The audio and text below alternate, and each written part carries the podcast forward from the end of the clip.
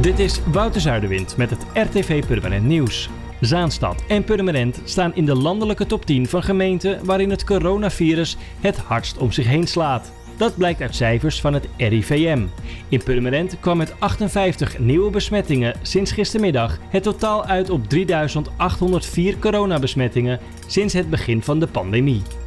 Bij dierenartsenpraktijk Purmerend aan de Kraggeveenstraat is een hond behandeld met leptospirose.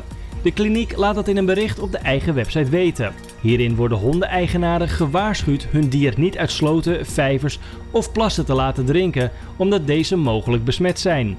Dit vermoedelijk door de toename van het aantal muizen en ratten die dragers van de bacteriën zijn. Leptospirose is overdraagbaar van dier op mens en kan leiden tot de ziekte van Weil.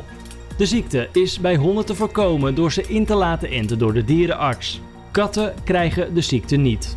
En het Purmerends Museum heeft een stadsplattegrond van Purmerend en Beemse laten maken. Deze week ontvingen burgemeester Don Bijl en waarnemend burgemeester Karen Heerschop het eerste exemplaar.